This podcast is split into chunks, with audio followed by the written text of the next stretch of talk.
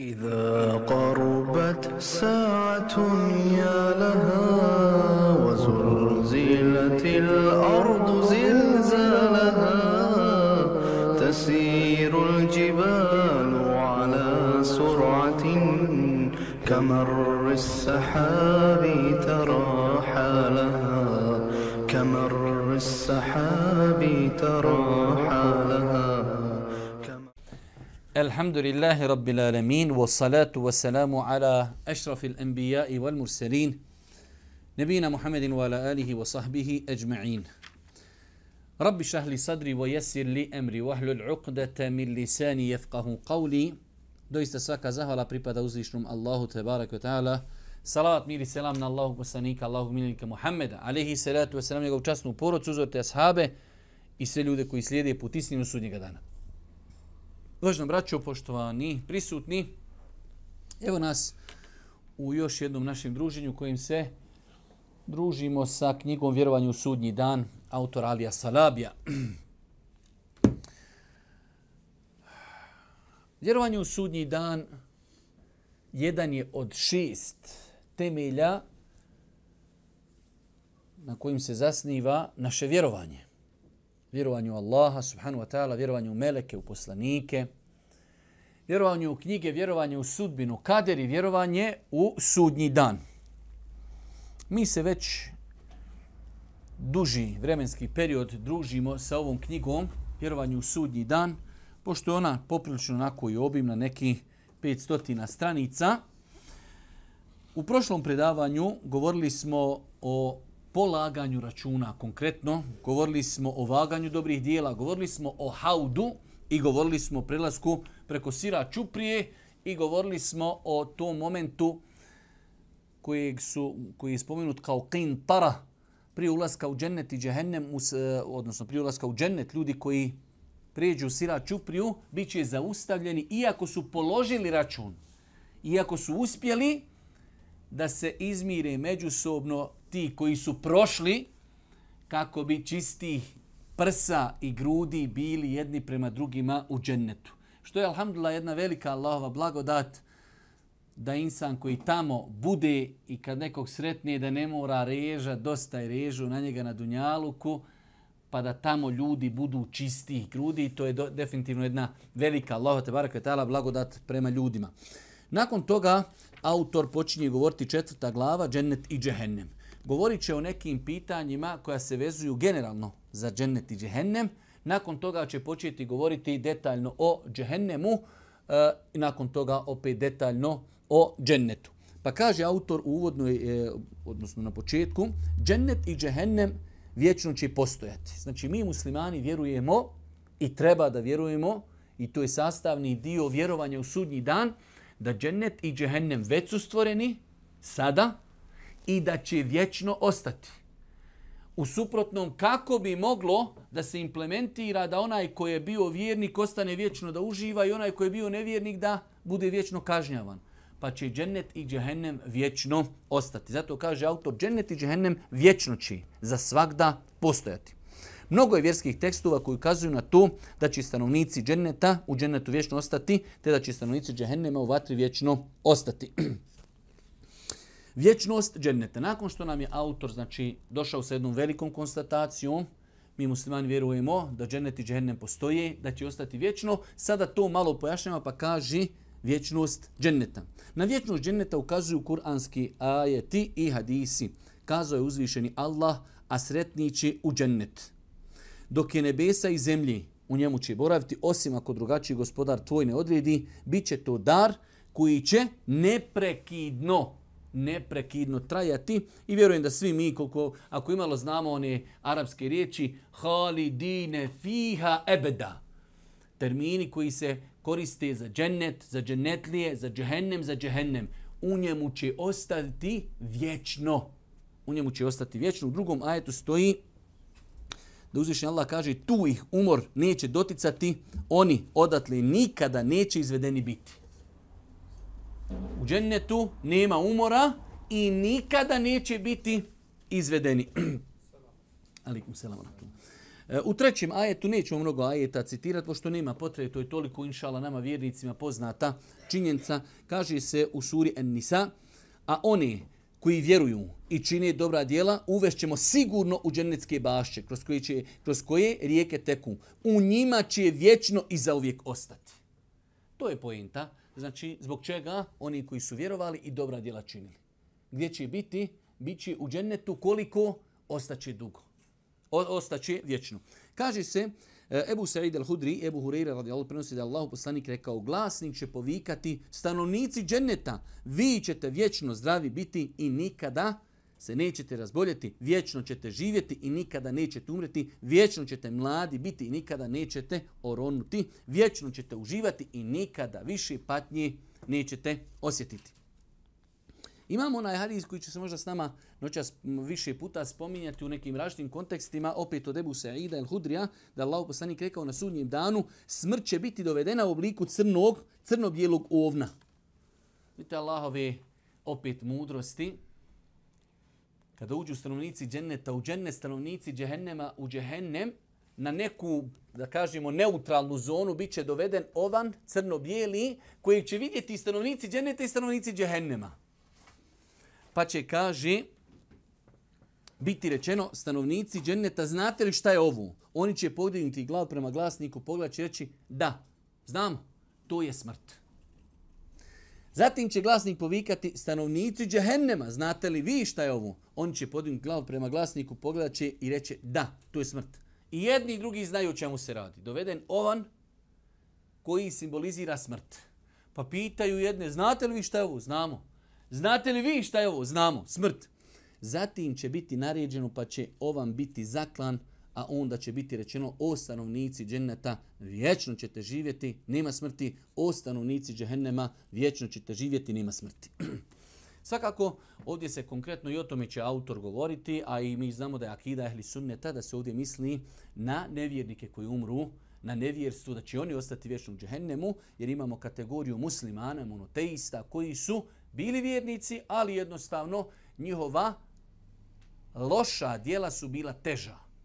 Pa će jedan period provesti u džehennemu kažnjavajući se, nakon toga će biti vraćeni u džennet. Zato i neki učenjaci kažu, onaj kuranski ajti sure Hijr, e, Rubema je vodu ledine keferu, neki dan dole smo u Zenci, taj hadi e, ajet citirali nekoliko puta kad smo govorili, zažal će nevjernici što nisu bili vjernici. Kaže se e, u nekim predajama da kada ovi monoteisti koji su završili u džehennemu jer su imali više grijeha, ali će inšala završiti u džennetu. Pa kad i vide džehennemlije sanjak, eto vi išli na džumu i vi klanjali i postili, evo nas opet sa vama zajedno. Pa kad dođe vrijeme da oni iziđu, tada će ovi reći, rubema je vodu ledine keferu, leukanu muslimin. Tada će oni, eh, kamo sreća smo i mi bili vjernici. I mi bi sad izašli. To je taj najveći moment kajanja. Prvo će se oni malo, alikum selam, uz oholiti jednom momentu, eto, te, i mi nešto halal, haram, islam, evo nas, gorimo, svi. Pa kada džennetlije muslimani, monoteisti, ehlu tauhid, napuste, odu, kaže, tada će oni zažaliti što nisu bili nevjernici. U svakom slučaju, evo vidite ovaj hadis od Ebu Sa'ida, koji je vjerodostojan, jasno kaže se reći o stanovnici dženneta vječno uživanje, o stanovnici džehennema vječno uživanje i samim tim, samim tim, znači, i ovo je dokaz vječnosti dženneta i vječnosti džehennema, vječnosti boravka stanovnika dženneta u džennetu, vječnost stanovnika džehennema. Po pojašnjenu kojih smo spomenuli, znači mi muslimani vjerujemo da postoje tri kategorije ljudi na ahiretu. Imamo vjernike i o tome će malo govoriti e, autor. Vjernike čija dobra djela će biti teža od loših i oni će ući u džennet odma. Imamo vjernike čija, čija će dobra djela i loša biti ista. I oni će biti na zidovima, na bedebima, pa će šefatom Božijeg poslanika ući u džennet. Imamo vjernike čija loša djela su bila teža od dobrih, oni će biti kažnjeni u džehennemu, dok ne isplati tu svoju kaznu, nakon toga će završiti inšala u džennetu. Imamo nevjernike i licemjere koji će u startu ući u džehennem i tu će vječno ostati. Nakon toga autor nam, e, to je ta naučna metoda, iako je dovoljna bila ona prva konstatacija, džennet i džennem su vječni i završena stvar, ali to je naučna metoda, e, vječnost džehennema. Na to da će džehennem vječno postojati ukazuju sljedeći ajeti, a nevjernici, a nevjernici će u patnji džehennemskoj vječno ostati.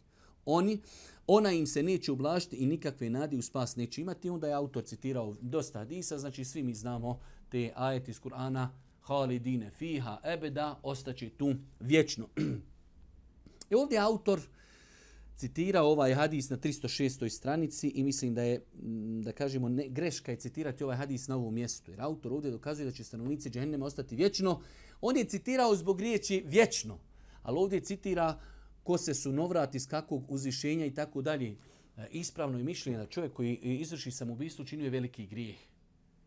I u ovim hadisima za njega se kaže ostaće vječno u vatri, ali kao što je poslije to pojasnio autor, E, u arapskom nekada uz određene, uz određene indicije riječ vječnost može značiti dugo, dugo, ali ne vječnost koja nema kraja. Pa je ovdje autor citirao hadis kojeg Allah najbolje zna nije treba ovdje citirati, jer govorimo o vječnosti džehennema, a onda se citira ajet, e, hadis o e, samoubici, samoubica neće ostati vječno u džehennemu. U svakom slučaju, e, nije to sad neka ogromna greška, ali mogu se ovaj hadis spomenuti na nekom drugom mjestu. Može li izraz vječnost u vjerskim tekstovima značiti drug vremenski period? To je ovo. Znači, nekada, Osnova je kada se kaže halidine fiha ebeda, ostaće u njemu vječnost, da se to misli vječnost koja nema kraja. Ali nekada, ako e, uz određene druge hadise, ako imamo u jednom hadisu da se kaže čovjek koji izvršio samoubistvo, uh, tako će se e, kažnjavati vječno u džehennemu, a onda uzmemo, jer to je, to je metod, metodologija ehli sunneta vel džemata, da ne uzimaju samo jedan hadis, To je koštalo Haridžije, to je koštalo Šije, to je koštalo druge zalutale sekte u islamu. Uzmu hadis, ko je rekao la ilaha illa uči u džennetu? I niš pasuje, ovako, u džennet, rođak. Zato što nisi uzeo drugi hadise u obzir.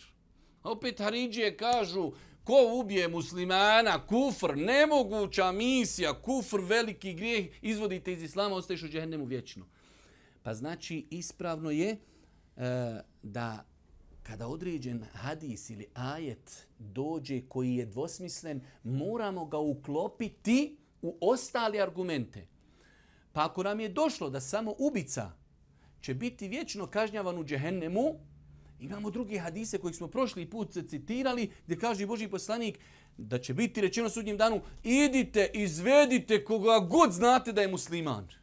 Pa će izvest. Pa idite, izvedite ko ima trun imana, pa će izvest. Idite, izvedite ko ima... Pa, je, pa su ti argumenti pokazatelj da će ljudi koji imaju imana izaći iz, džehen, iz džehennema, pa i oni koji su činili samoubistvo, svakako ovo nikako nije omalovažavanje velikog grija samoubistva, samoubistvo je jedan od najvećih grijeha, ali ako je čovjek bio monoteista, ako je bio musliman, on će se zbog tog grijeha kazniti, ali će završiti inšala bizna u džene. Tako da ovaj sad, hajde kažemo, eh, i dio ne trebamo nešto mnogo detaljisati. hoće li džehennema nestati, hoće li džehennemlije umrijeti, hoće li im kazna biti ublažena? Sad jedno novo pitanje, hoće li džehennem nestati? Logično, ako smo rekli da je džehennem vječan, neće nestati. I znači, e, hoće li džehennemlije umrijeti? Svakako da neće. Govorimo o onima koji su umrli u nevjerstvu.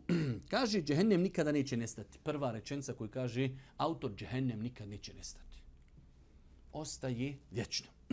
to dokazuje Allahove riječi, boravište njihovo bit će džehennem, kad god mu plamin jenja, pojačat ćemo im oganj, e, boravište njihovo bit će džehennem. A znamo da je čestica, uglavnom ovo je sad jedan viši način dokazivanja e, e, spoznajom arapskog jezika, ali imamo toliko drugih nekih, da kažemo, jasnih kuranskih ajeta, kaže Allah Đelšanu u sljedećim ajitima, a nevjernike čeka vatra džehennemska. Oni neće biti na smrt osuđeni i neće umrijeti. Znači, oni će vidjet ćemo i poslije način kažnjavanja, da nam je da umrijemo. Neće umrijeti. Ostaće da se kažnjavaju. I zato je kazala islamska ulema, zašto je, što je mudro? Zato ćete i nekada ćete naći neke ateiste, nemuslimane, pa gdje je ta Allahova milost prema nemuslimanima i prema nevjernicima da će ih kažnjavati vječno? I zaista, ako znamo kolika je Allahova milost, s jednog aspekta to pitanje i golica i vjernika. Jer zato, kao što je došlo nekim predajama, kada je faraon, kada ga je ono počelo more tušit, Džibril kaže, uzo je blata dole sad na mora i u usta mu gurnu, kaže, bojio sam se reče la ilaha illa, kaže, pa će mu se Allah smilovat. Džibril koji, Džibril koji zna Allahov rahmet, Faraon koji govorio, ene rabbukumul e'la, ja sam vam najveći bog. Kaže, bojio sam se reče la ilaha illa, uzo blata i gurno mu usta, veli nek ne izgovori. E sad, da kažemo, kad znamo da Allah poslanik kaže Allah Žešanu ima stotinu milosti. Sve ovo na planeti što mi imamo, među žena, čovjek, djeca, prijatelji, poznanici, životinje, čak kaže Boži poslanik, kada krava i konj digne kopitu, ne želi da zgazi svoje mlado, sve to potpada pod jednu milost. 99 stoji za sudnji dan. Pa zar ti nevjernici ne mogu i oni da potpadnu pod ti 99? Kažu učenjaci, jer su imali namjeru, kao što je živio 60 godina i umro u nevjerstvu, kad bi živio ko Nuh alaih selam, kad bi živio vječno, on bi vječno ostao nevjernik. Pa je kazna shodna namjeri. A vjernik isto tako. Što će vjernici uživati vječno? Jel to bogati mi toliko zaradili sad ovo su ovo malo našku, naši noćni namazčića i malo malo posta i malo sadakice, dvije, tri markice, Joj, hurija, kod tebe skaču čitav život. To Boga toliko vrijedi. Ne vrijedi. Ali vrijedi tvoj nije da si ti živio, ja rab. Dok god budem živ, ja ću vaku. Pa umru u 30, 60, 80, ja ću biti uvijek pokoran. Pa Allah nagrađuje shodno namjeri i nije tu. Pa kaže, a nevjernike čeka vatra džehennemska, oni neće biti na smrt osuđeni i neće umrijeti neće umrijeti. Tu je opet onaj hadis koji smo govorili da će biti doveden crno-bijeli ovan i tako dalje. Džehennemlije iz pakleni vatri nikada neće biti izvedeni. U vezi s tim jasni su ajeti, a oni koji nisu vjerovali čeka vatra u kojoj će prebivati. Kad god pokušaju iz nje izaći, bit će u nju vraćeno zažaljet će oni da iz vatre izađu, ali im iz nje neće izlaska biti, za njih će biti patnja e, neprestana. Patnja neprestana, znači kontinuirano. Najbitnija riječ ovdje jeste ta. E ovdje autor je spomenuo, iako nije detaljno mnogo, ali je to pitanje razjasnio. Vječnom kaznom o kojoj se govori ovim ajetima bit će kažnjeni oni koji umru kao nevjernici, a ne veliki griješnici muslimani. Ovo je veoma bitno jedno eh, ehli sunnetsko razumijevanje ovog pitanja. Znači da se ljudi dijeli u tri kategorije, vjernici, muslimani, nevjernici. Nevjernici ulazi u džehennem i ostaće vječno u džehennemu, a vjernici se dijeli u dvije ili tri kategorije. I ako vjernici uđu u džehennem, jedan određeni period, oni će biti na kraju izvedeni i završi, inša Allah, u džennetu. Kaže, ne izaziva čuđenje to što će nevjernici u džehennemu, e, džehennemskoj vrati vječno i zauvijek ostati, jer iskvarenost njihove nutrine ima stalni, e to je ono, ima stalni nepromjenljiv karakter. Zbog toga što su oni tako bi ostali. Koliko god da su živjeli, oni bi ostali takvi. Džennet i džehennem već su stvoreni. Znate da ima više argumenta, ona jedan od najjasnijih argumenta jeste da Allah Đelšanuhu, odnosno Boži poslanik, e, govorio svojim ashabima kada je Allah Đelšanuhu stvorio džennet pa je poslao Džibrila, pa je stvorio, kada je stvorio džehennem pa je poslao Džibrila i tako dalje. Tako da, znači, e, argumenti Kur'ana i Sunneta jasno potvrđuju da su džennet i džehennem već sada, da su džennet i džehennem već sada stvoreni. Pitanja gdje se nalazi džennet i džehennem? Što se tiče dženneta, tu su malo, ajde da kažemo, stvari jasnije. A što se tiče džehennema, pitanje je nejasno. Tako da i ne treba nešto mnogo da sad mi se time razbijamo uh, i da mnogo polemišimo gdje je. Nama, mi vjerujemo u gospodara i vjerujemo gospodaru. To su dvije veoma bitne komponente. Vjerujemo u gospodara i vjerujemo gospodaru. Vjerujemo da Muhammed Ali Selam ne govori po hiru svome. Pa ako Muhammed Ali Selam džehennem je stvoren, džennet je stvoren, gdje su? Ništa mi to sad nešto plaho ne znači koliko mi znači da ja zaslužim džennet, a da ne daj Bože ne budem od stanovnika džehennema. Kaže, džennet se nalazi iznad sedmog neba, a ispod arša, Allahovog prijestolja. Na to da se džennet nalazi iznad sedmog neba ukazuju uzvišeni kuranski ajeti kod Sidretul Munteha, kod kojeg je džennetsko prebivilište. Imaju tu i još neki hadisi e, iz kojih se E, može shvatiti da je džennet iznad sedmog neba. I zato je došlo Adem i Hava su šta? Spušteni na zemlju. Adem i Hava su spušteni na zemlju. Tako da a, ne treba se sad, kažem, nešto mnogo time. Gdje se nalazi džehennem, autor je ovdje onako malo govori o tom pitanju, ali ne treba se time mnogo opterećavati. Stanovnici Bedima. Uzvišen Allah je rekao između njih bit će Bedem, a na vrhovima ljudi koji će svakog po obilježju njegovom poznati. I oni će stanovnicima dženeta viknuti mir vama, dok još ne uđu u njega, a jedva će čekati. Sela Malik, zakočili smo tu, sam da i mi ako Bog da, da i mi ako Bog kaže, dok u njega ne uđu u koga? U džennet, a jedva čekaju, a kako i ne bi čekali. Kaže autor stanovnici, bedajmo, to su ljudi čija će dobra i loša djela biti podjednako teška. Zbog dobrih dijela koja činjahu neće biti bačeni u vatru. Vidite Allahovog adla i pravde. Imaju ljudi dobrih dijela, ali imaju i loših.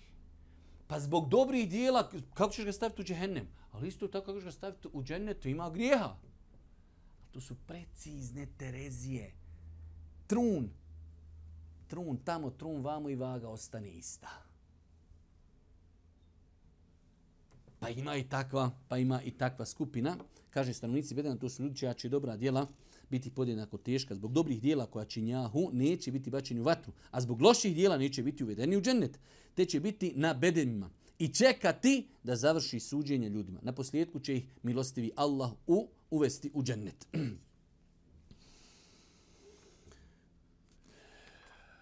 Nakon toga, znači ovo su bila neka, hajde da kažemo, općenita pitanja koja je želio autor da nam e, da nas poduči kako bi trebalo da vjerujemo da džennet i džennem su vječni, da postoje, da imaju stanovnici bedema, da imaju znači kategorije ljudi, vjernici, nevjernici i tako dalje. E sad počinje, počinje, znači govorili smo do sad, polaganje računa, prelazak preko sira čuprije i onaj ko je pao, pao je u džehennem, onaj ko je prošao, prošao je u džennet. Pa će nam autor ovdje malo i podetaljno govoriti o džehennemu, o njegovim imenima, o njegovim svojstvima, hrani stanovnika džehennema, odjeći, mnogo, mnogo interesantnih stvari. Lično i nisam pobornik da se toliko govori o tome, ali vjerujte nekad i treba. Pogotovo u današnje vrijeme. U današnje vrijeme i treba ljude u datom momentu i zastrašiti. Zašto? Zato što smo mi otišli u jednu krajnost grijeha, otišli smo u jednu krajnost eh, kad su u pitanju strasti sve, pa Boga mi dok insanu ne zaprijetiš. Gorićeš, vatra, 70 puta, žešća i tako dalje, Boga mi neke ljude drugačije ne možeš što bi rekao, vratiti istin. Tako da ima to svoju težinu. Mi ćemo, ako Bog da, naravno, najvjerojatnije ovo predavanje naredno govoriti o e, opisima džehennema. Kaže imena džehennema. Inače, pravilo u arapskom jeziku, svaka stvar koja ima više imena, to već ukazuje na njenu bitnost. Ako iščitavamo Kur'an, detaljno vidjet ćemo da se džehennem spominje sa različitim imenima, pa je jedno od imena nar, vatra. Drugo ime je sa'ir. Oni čak i čas oživljenja poriču, a mi smo za one koji čas oživljenja poriču pripremili sa'ir, oganj. I ovdje nam dolazi do, do, do bitnosti. Meni nije bitno toliko govoriti o imenima, koliko mi je bitno zašto su oni zaslužili taj sa'ir, oganj. Kaže, oni čak i čas oživljenja poriču. Ovdje je veoma bitno ukazati na onu poznatu našu izjavu, izreku koju možemo čuti i od muslimana. Bošnjaka kaže, ko je se otuda vratio? Ko je se vratio iz kabura? Ko je se vratio sa sudnjeg dana? Ko je to kao vidio? Ko? Zar će to biti i tako dalje? Pa je negiranje ti stvari izuzetno opasno. Na taj način se negiraju stotine ajeta i stotine hadisa, ako ne, ne, i hiljede koji govori o kaburu i džennetu i džehennemu i džennetlijama i džehennemlijama i polaganju računa i mnogim drugim stvarima. Pa kaže, oni čak i čas oživljenja poriču. A mi smo za oni koji čas oživljenja poriču pripremili oganj. Treće ime je, kaže, džehennem, pakao. A za one koji ne vjeruju gospodara svoga kazna je džehennem. Oni koji ne vjeruju opis, zbog čega će biti kažnjeni? Zato što nisu vjerovali. Četvrto ime je leva, buktinja. Peto ime je sekar. Ma selekekum fi sekar. Šta vas je bacilo? Zbog čega ste u sekaru, u džehennemu? Lem nekum minel musallin, mi namaz nismo obavljali.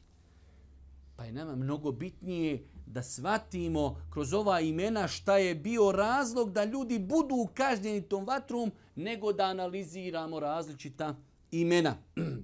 Šesto, havije, bezdan. Allah Žešan rekao, boravište će mu bezdan biti, a znaš li ti šta će to biti vatra užarena.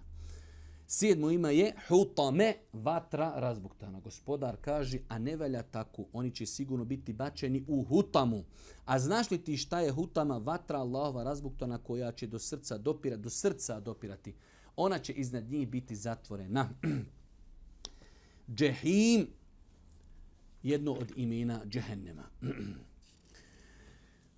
nakon što nam je spomenuo autor, on pokušava sada jednostavno da nam da dosta tih nekih podataka koji su nam potrebni da znamo šta je tu džehennem, pa kaže džehennem ima više imena, pa nam je spomenuo. Džehennem, e, čuvari džehennemske vatri. Džehennem je Allahova kazna za nevjernike, ali u svemu tome imaju čuvari koji će čuvati te ljude koji su u džehennemu. Allah Đeršan objavio je, a znaš li ti šta je sekar, džehennem? Ništa on neće poštedjeti. La tubqi, ništa, sve gori. Kože će crnim učiniti, nad njime su 19 storica. 19 meleka čuva džehennem.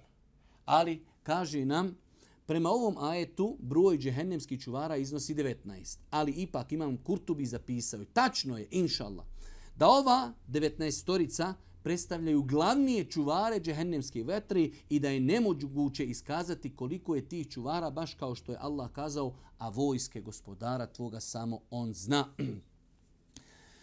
Pa je citirao autor ovdje onaj poznati hadis koji govori o veličini džehennema, pa kaže tog dana džehennem će biti dovučen sa 70.000 povodaca, svaki će povodac voziti 70.000 melika. On hoće da kaže, teško je vjerovati da samo 19 će melika čuvati toliki džehennem koji je toliko ogroman da ga vozi ima 70.000 nekih povodaca ili ručaka za koji se vozi, a za tu jednu ručku, za jedan povodac vozi 70.000 melika.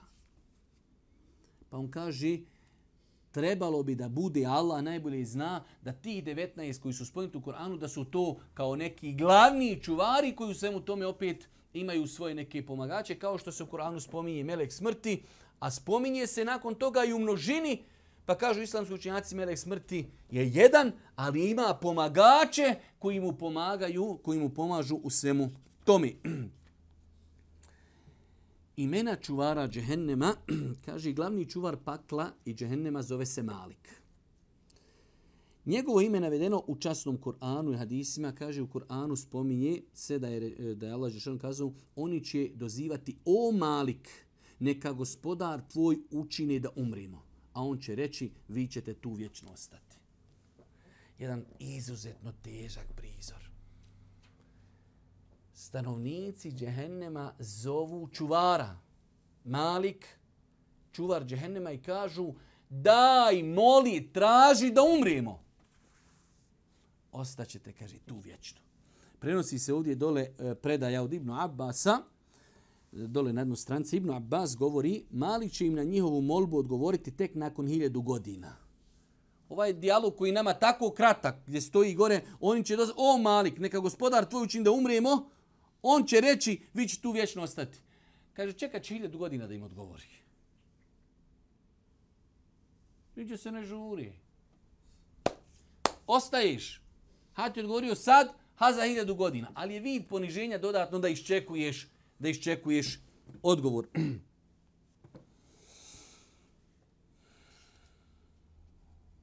Allah istiniti rekao je za čuvare džehennema koji će kažnjavati velike greš da su oni zebanije. Znate onaj poznati hadis, ovdje nam ga autor citirao, Ebu Džehl je pitao, spušta li Muhammed među vama svoje lice na zemlju? Pita Ebu Džehl, viš kako ga šetan radi, znači on baš radi. Pita Ebu Džehl muslimane, pada li Muhammed a.s. na seđdu? Kažu, pada, čini seđdu. E, to je njemu došlo ideja kad bude na seđdi, da on dođe i da uznemirava poslanika. Kao to je neka najbolja prilika da ga tada uznemirava. Pa kaže, neko odgovori spušta, on na to reče tako mi lata juza. Ako ga vidim da tu učini nogama, ću mu vrat pritisnuti ili ću mu lice njegovu prašinu zabiti. Zatim je došao kod Allahu poslanika dok je on klanjao, tvrdeći da mu zgazi vrat ili prisutne iznenadi kada počne uzmicati, ali prisutne iznenadi kada počne uzmicati i branti se rukama. Krenuo da Božije poslanika uznemiri, u jednom momentu bježi od nečega i ide nazad. Pa kaže, upitaše ga šta ti je? On kaza, između mene i njega bio je jarak pun vatri, strava i krila. Čiji krila? Meleka.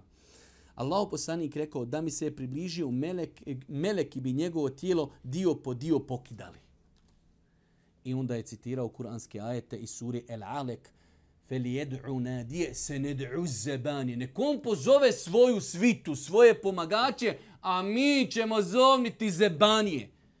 Zebanije su meleci koji će kaznjavati ljude u džehennemu. Kaže karakteristike čuvara džehennema.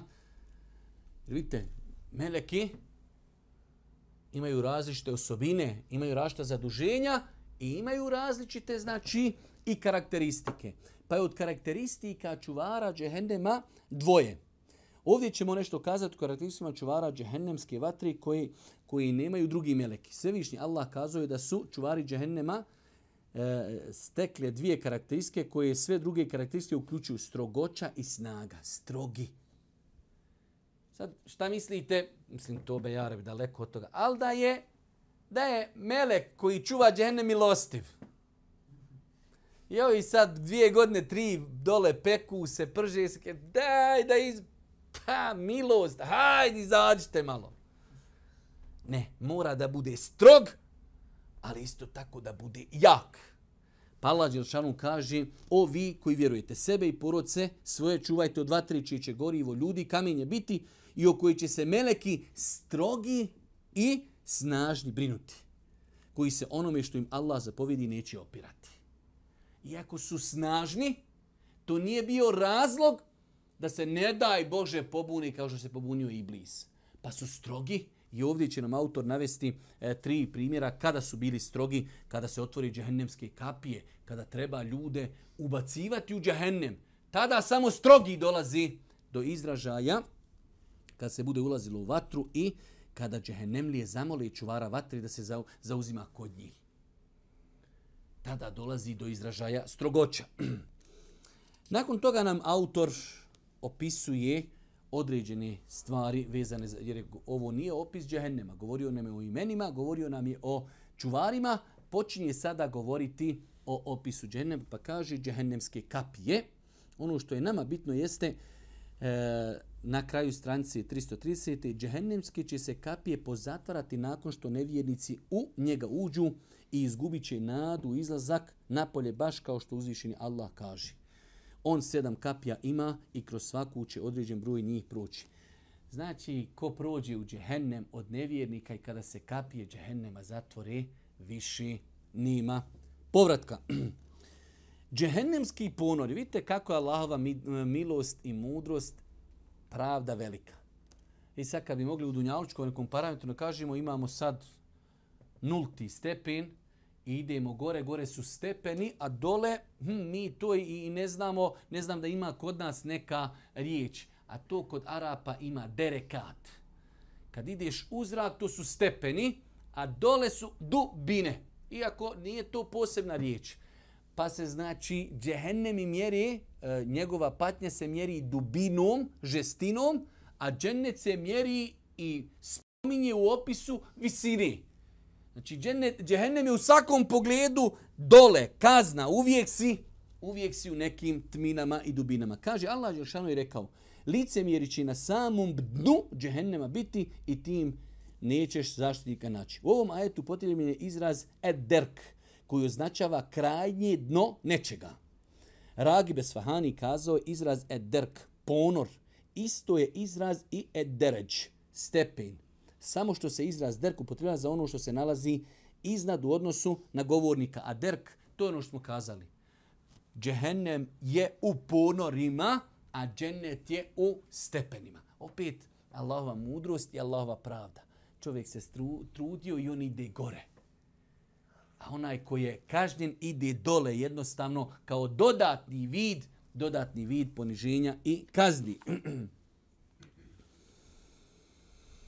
Stanovnici, vidite sad, opet Allahova pravda, ne samo da džehennem i tu ljude, da kažemo, pobacaj tu, ne, imaju kao što u džennetu imaš deređe, u džehennemu imaš ponore, pa ne znam, to be arabi. ponor 100 level, ponor 150, ponor 200 i tako shodno grijesima i kufru i šta si, koliko si uznemiravo ljude, toliko ideš i dole ćeš biti kaže, a što si dole dublje, definitivno da je, da je teži. Pa kaže autor stanovnici vatri, izdržavat će kaznu u različitim ponorima već prema o ogavnosti svojih grijeha i nedjela. Sodno koliko budu imali loših dijela i grijeha i uznemiravanja drugih ljudi, toliko će duboko biti u ponorima. Ovdje nam autor spominje E, neke kategorije za koje Kur'an jasno rekao da će biti u nekim najvećim dubinama, pa je prva kategorija Faraon i njegove svite.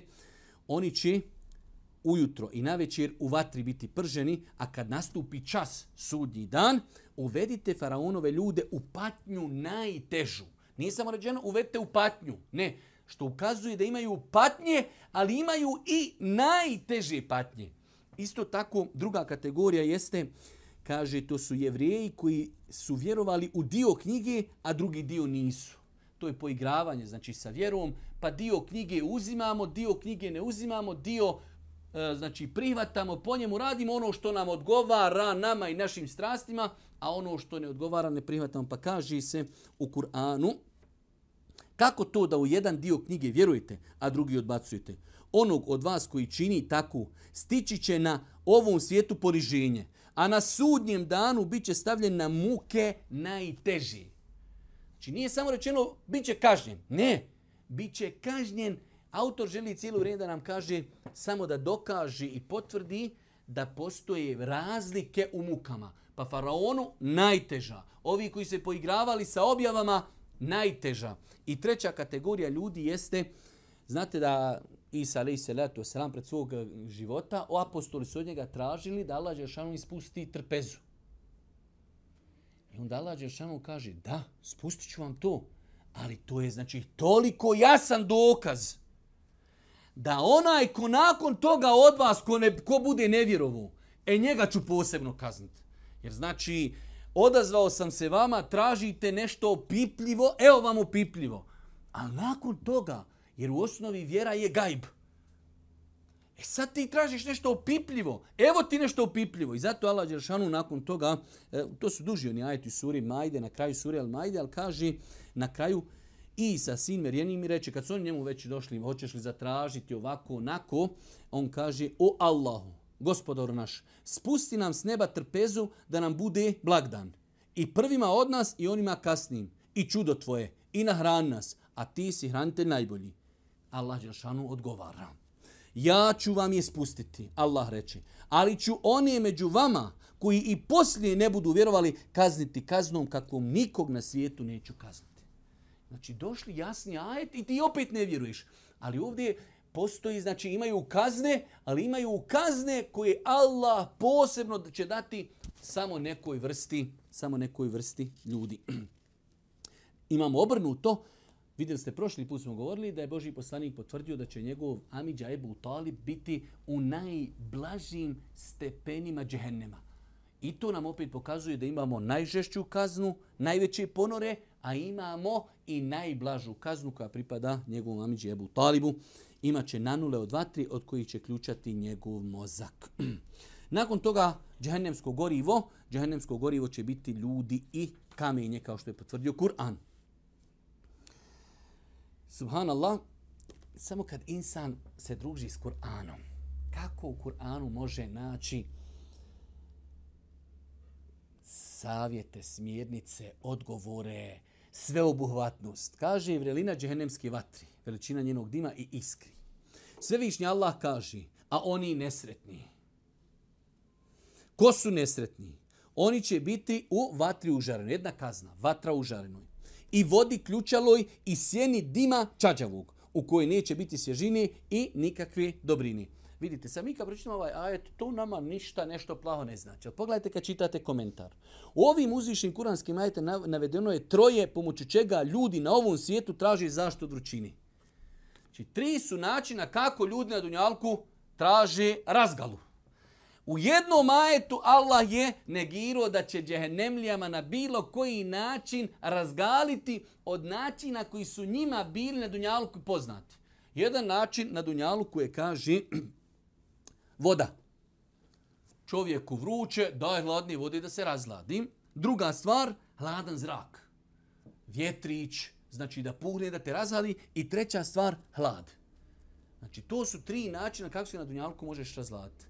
Allah je u ovom ajetu im kaže sve tri ta načina, kaže oni će biti u vatri užarenoj i vodi ključalo. Znači, ta voda, vidjet ćete poslije kad se bude govorilo, žedni piju vodu koja ima maksimalnu temperaturu koja kida njihova crijeva, ali žedni, moraju piti.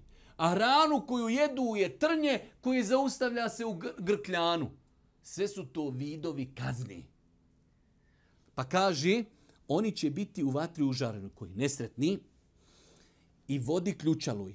U sjeni dima čađavog. Znači, to je u dim, mjesto da si u lijepoj hladovini, u sjeni dima čađavog, crno, gori, smrdi, nema nikakve hladovini u kojoj neće biti svježine ni ikakve dobrine. Nema svježi ništa. Ni na kakav način ne dolazi, ne dolazi olakšanje. ono što je interesantno, Allah Đeršanu kaže, on kao kule baca iskre. Znači, džehennem kad se zapali, tolika je to, toliko je to Allahovo stvorenje. Vi znate kad ono mi zapalimo vatru, pa iskra ono frci. E, iskre koje frcaju iz džehennema su kao naše dunjalučke velike tvrđave. Zato kaže, on kao kule baca iskre.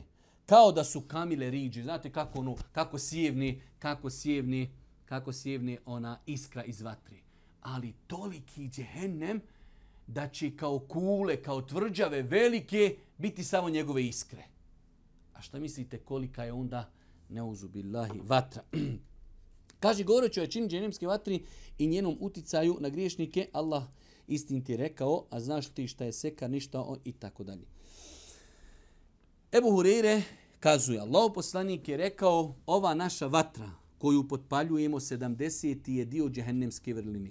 Prisutni rekoši, Allahu poslaniće, tako nam Allaha i ona je dovoljna. Na to Resulullah s.a.v. reče, džehennemska je vatra 69 puta jača od dunjaličke vatri. Svaki taj dio vreo je kao dunjalička vatra.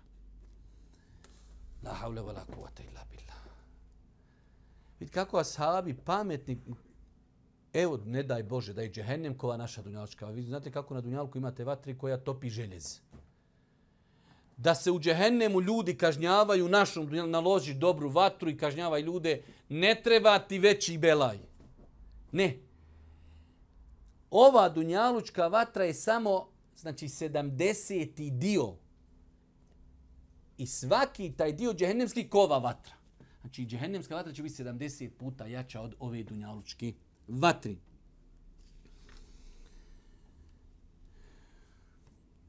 od stvari koje se vezu za džehennem jeste, iako je toliko veliko stvorenje, on govori.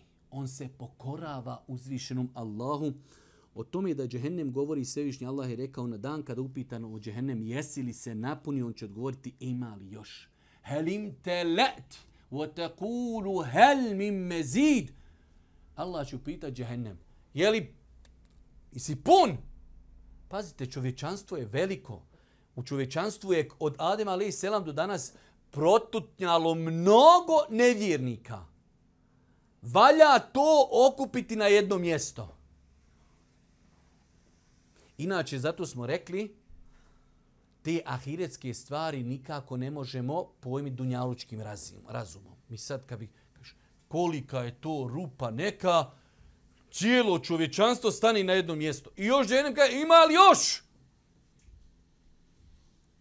Ali ahiret je nešto totalno drugo. Zato je došlo, e, ne znam gdje će ovdje, gdje će ovdje e, uskoro autor i citirati, e, kaže hadis, kutnjak nevjernika biće veći, e, većine kao brdo Uhud, a debljina njegove kože iznosi tri dana putovanja. Uhud vam je zaista ko naš igman. Ovdje kad se pogleda iz Bosne, u dolu od Vrela, Bosne i gore sve. Otprilike noliki Uhud. E, kutnjak, zub, samo jedan se koliko imaš u vilici kutnjaka, brate moj, to ti je dinara i veleš, sve ove planine što mi imamo. Sve je to, znači samo jedan kutnjak, a debljina kože kao tri dana putovanja. E takvi nevjernika, sva historija i zato je došao onaj hadis, kaže, kamen bačen i 70 godina slobodnim padom padao dok je došao na dno džehennema e, treba to napuniti tolikim, tolikim ljudima. Džehennemske doline, nema tu nešto puno vjerodostojnih predaja, džehennemska brda, džehennemski zidovi, dubine džehennema. Jednom smo bili sa Allahovim poslanikom kad se začu kao da je nešto palo. Bili su ashabi sjedli s poslanikom, ali se letu veselam, pa su čuli nešto, ono, puf, nešto je baš palo, čulo se. Kaže, vjerovjesnik sallallahu alejhi ve sellem upita, znate li šta je ono? Mi smo odgovorili, Allah i njegov poslanik ne zna. On reče, to je kamen. Bio je bačen s vrha džehennema prije 70 godina i propadao je kroz vatru sve do sad. Tek sad je dopro do dna vatri. Allaha mi sve višnji. Neki dan mi se svidjela hudba, zadnja hudba u petak od šeha Ali Rahmana, da ga Allah poživi i savjetujem svima vama dok hudba iziđe da je poslušate jedna od najboljih hudbi koju sam poslušao u životu. Razmišljanje o posljedicama svojih odluka. Pa on u jednom momentu e, naletio je na ovu. Kaže, kad bi insan razmišljio o posljedicama, jer mi dosta puta uradimo nešto, ne razmišljaš. Da si samo hladnije glavi stao i ne daj Bože, ne daj Bože još nešto da. A šta ako se sazna? Mama, pa babo, pa mediji, pa rodbina, pa prijatelji, pa kazna, pa prozivanje. Ne bi, brate. E isto je i ovo. Da insan kad hoće da uradi neki grijeh, da se sjeti ovi, ovi patnji, ovi belaja i džehennema i debljina i svega toga. I dubine džehennema, stvarno bi trebao biti hipnotisan ili nadrogiran ili nešto slično, pa da čovjek čini velike grije.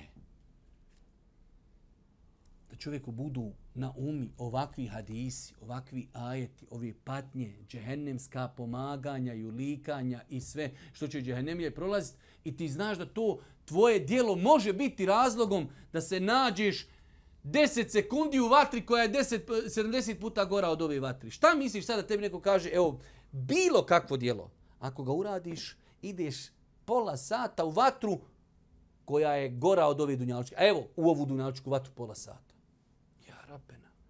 Pa treba da samo da budeš ili pijan, pijan ili da si nadrogiran, pa da uradiš. Ali čovjek pre punoj svijesti je tura nemoguće. Zato i došla Boži poslanik Ali Selam kad bi držao hudbu i znao bi povisi ton i to kad kad govori o vatri. Kaže, on viru komunar, Unzirukum unnar. Strašim vas, upozoravam vas vatrom. Toliko bi, kaže, podigao svoj glas da bi se tam na pijac čuo. Nisam u džami.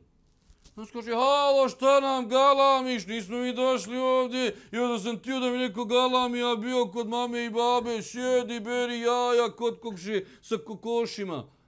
Treba galami, treba te tokmakom u glavu udari čoveče da dođeš sebi da se probudiš. I toliko galamimo i opet ne čuješ, Allah te uputio. Što kaže, galamite? I galamimo i opet narod neće. Pa znači ovakvi hadisi, kad čovjek čuje ovakve hadise, ovakve ajete, bez obzira što se oni u većini slučajeva odnose na, na nevjernike, ali to jača čovjeku vjeru. To čovjeku daje morala, satisfakciju, jača ga, neću da tu budem. Hoću da budem s onima koji su uspjeli. Rekli smo, znači u hadisu stoji da Allah poslanik rekao kutnjak nevjernika, bit će veličine kao brdo ud, a debljina njegove kože iznosi tri dana putovanja.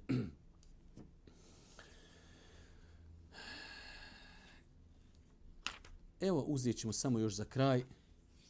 Kaže, određene karakteristike kazne u džehennemu. Znači, kazna u džehennemu imamo kaznu. Ali ne samo da se ti kažnjavaš. Ta kazna ima u sve to što je žestoka i bolna, ona ima određene karakteristike. Pa kaže, prva stvar jeste, kaže, patnja najteža.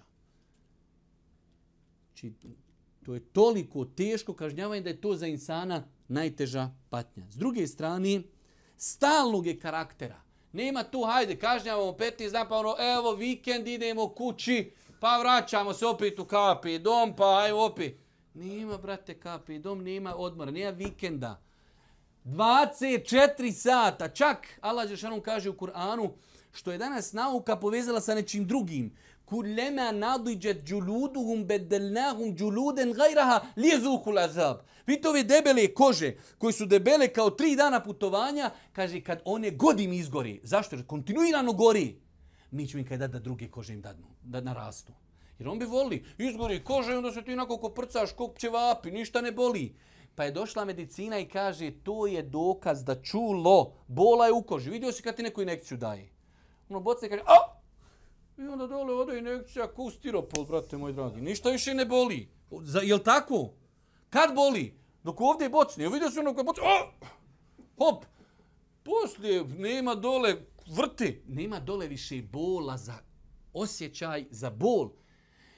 Pa je Allah toliko pravedan.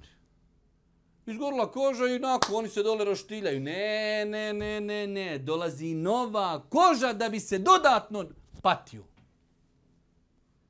La haula wala kuvvete illa billa. Pa kaže kontinuiran. Nima odmora, nima stajanja. Isto tako patnja sramna. Znači ti se patiš i još si ponižen. Sraman si u svemu tome. Patnja je, kaže, ponižavajuća velika patnja, strahovita patnja, najveća, najveća patnja.